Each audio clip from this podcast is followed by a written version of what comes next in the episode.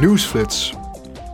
Morgen zullen de parlementsleden voorstellen bespreken voor strengere regels voor het parlement op het gebied van transparantie, integriteit en verantwoordingsplicht. De bijzondere commissie Buitenlandse Inmenging kreeg na een resolutie van het parlement van afgelopen december de opdracht voorstellen te doen voor hervormingen. In het ontwerpverslag van de commissie worden maatregelen voorgesteld voor op de middellange en lange termijn en worden hervormingen aanbevolen. Deze week staat ook de Europese capaciteit voor opsporings- en reddingsoperaties voor migranten op zee op de agenda. De parlementsleden zullen debatteren over de mogelijkheid dat de EU meer actie zal ondernemen om reddingsoperaties van de marine op de migratieroutes in de Middellandse Zee te ondersteunen.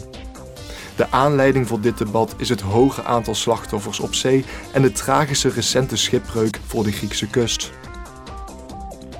Morgen zullen de parlementsleden stemmen over de aanbevelingen van de bijzondere commissie COVID-19-pandemie, die zich bezighoudt met de vraag hoe de voorbereiding op toekomstige crisissen kan worden verbeterd. De betrokken parlementsleden zullen waarschijnlijk oproepen tot een sterke Europese gezondheidsunie en veerkrachtigere nationale zorgstelsels. Ook zullen ze pleiten voor meer parlementair toezicht op maatregelen, coördinatie en solidariteit.